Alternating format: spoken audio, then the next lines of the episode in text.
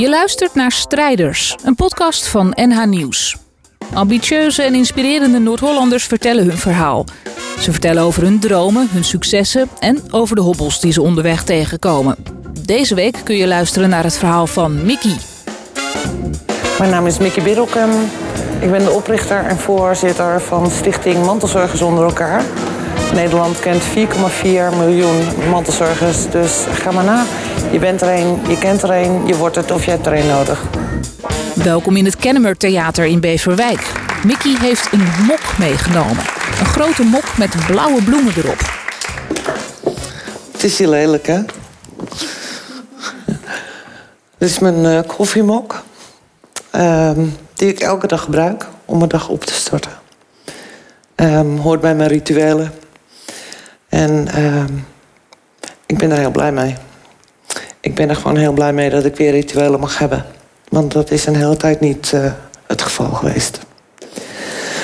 Ik wil u even meenemen naar 2014. Uh, in 2014 um, realiseerde ik me later dat ik uh, een ontzettend depressief jaar heb beleefd. En dat kwam omdat ik werd bezig gehouden door een van mijn minst favoriete onderwerpen, namelijk de politiek. Um, ik heb niks met politiek, ik begrijp geen politiek. Maar wat me bezig hield was um, de berichtgeving vanuit Den Haag dat uh, in Nederland de zorg veel te duur werd. En dat er maatregelen getroffen moesten worden om die zorgkosten te gaan drukken. En um, heel kort door de bocht uh, werd er dan gezegd dat uh, de dure zorgprofessionals die we inzetten in Nederland om mensen te ondersteunen. Um, nou eigenlijk uh, werden gereduceerd.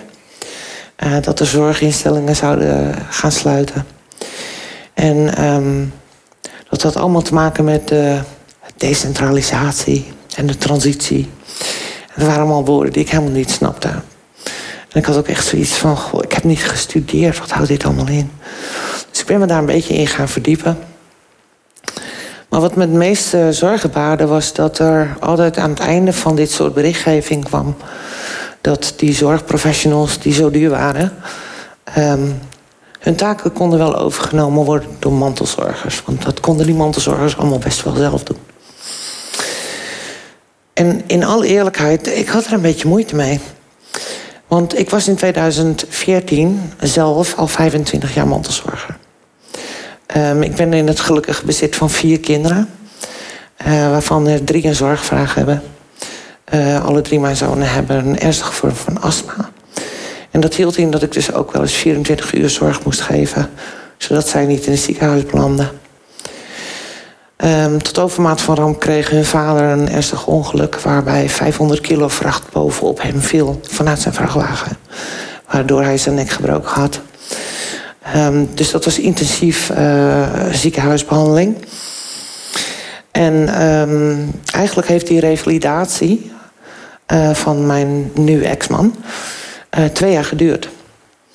En ik kan u zeggen, ik vond dat pittig. Um, ik heb voor meerdere personen tegelijkertijd moeten zorgen.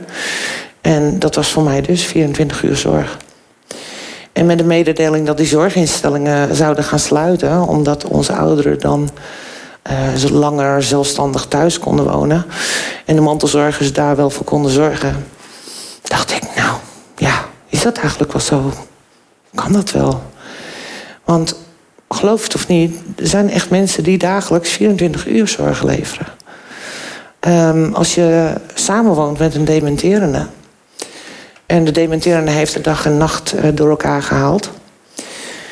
Dan zorg je als mantelzorger dat die dementerende niets overkomt. Maar dat gaat ten koste van jou. Dat gaat ten koste van je vrije tijd, van je hobby's, van je nachtrust. En ik had daar een beetje moeite mee. Dus ik ben me daarin gaan verdiepen. En ik kwam erachter dat er in Nederland ongeveer 4,4 miljoen mantelzorgers zijn. Dat is een kwart van de mensen die in Nederland wonen. En ja, toegegeven, er zijn er heel veel die, niet zo, uh, die daar niet zoveel moeite mee hebben. Want als je een boodschap haalt voor je buurvrouw, als je toch zelf naar de winkel gaat, ook dat zijn mantelzorgtaken, daar lijkt je niet van overbelast. Maar intensieve zorg, zoals ik al zei, 24 uur per dag, 7 dagen per week. Zonder weekenden, zonder vrije avonden, zonder vakanties. Dat is best wel pittig. Ik heb zelf twee keer een burn-out meegemaakt. En dat hield in dat ik dus ehm, fysiek uit mijn gezin gehaald werd en werd behandeld. En dat vond ik echt uh, de meest verschrikkelijke periodes in mijn leven.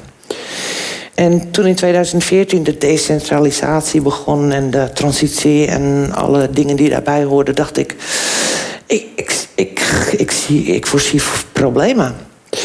En uh, wat gaat er gebeuren met al die andere mensen die dus een burn-out gaan krijgen? En daar ben ik over gaan nadenken. En mijn allereerste vraag was: wat had ik nou eigenlijk zelf nodig gehad om niet zo'n burn-out mee te maken? Wat had ik nodig gehad om mij kracht te geven? En het antwoord was eigenlijk heel simpel: een luisterend oor. Iemand die begrijpt waar ik het over heb. En heel kort gezegd zijn dat andere mantelzorgers. Dus ik dacht, als het zo simpel is en ik kan het niet vinden op het moment dat ik het nodig heb, wat ga ik daar dan aan doen? En toen heb ik besloten om dat zelf te gaan doen. Dus ik heb een stichting opgericht. En die stichting is primair om mantelzorgers onder elkaar te brengen. Um, nou is het toevallig dat de acroniem daarvan MOE is. Stichting MOE. En ja, als overbelaste mantelzorger is dat iets waar je echt dagelijks mee te maken hebt. Um, we bestaan nu vijf jaar. Uh, we kunnen door onze ervaring en onze expertise als vrijwilliger alle soorten problemen van mantelzorgers die bij ons aankloppen um, aanhoren. En met die mantelzorger uh, op zoek gaan naar ondersteuning of uh, invullen van formulieren. En als er misstanden zijn, um, omdat wet en regelgeving iets vertellen, maar de uitvoering daarvan niet echt deugt, um, dan ga ik naar mijn gemeenteraad toe en wijs ik ze op uh, die uh, misstanden. Want het laatste wat je wilt is een secundaire patiënt creëren. En overbelaste mantelzorgers die dus niet langer voor hun zorgbehoevenden kunnen zorgen, zien wij als secundaire uh, patiënten. Dus dat is wat we nu doen. Um, we zijn nu uh, allemaal vrijwilligers uh, bij de stichting. En uh, we draaien 40 tot 60 urige werkweken. Maar de waardering daarvoor is gewoon ongelooflijk. En ehm, ik hoop dat we dat nog heel lang uh, kunnen blijven doen. Dank u wel. Dit was het verhaal van Mickey uit de podcastserie Strijders van NH Nieuws. Abonneer je op onze podcast voor veel meer mooie verhalen. Of kijk op nhnieuws.nl slash strijders.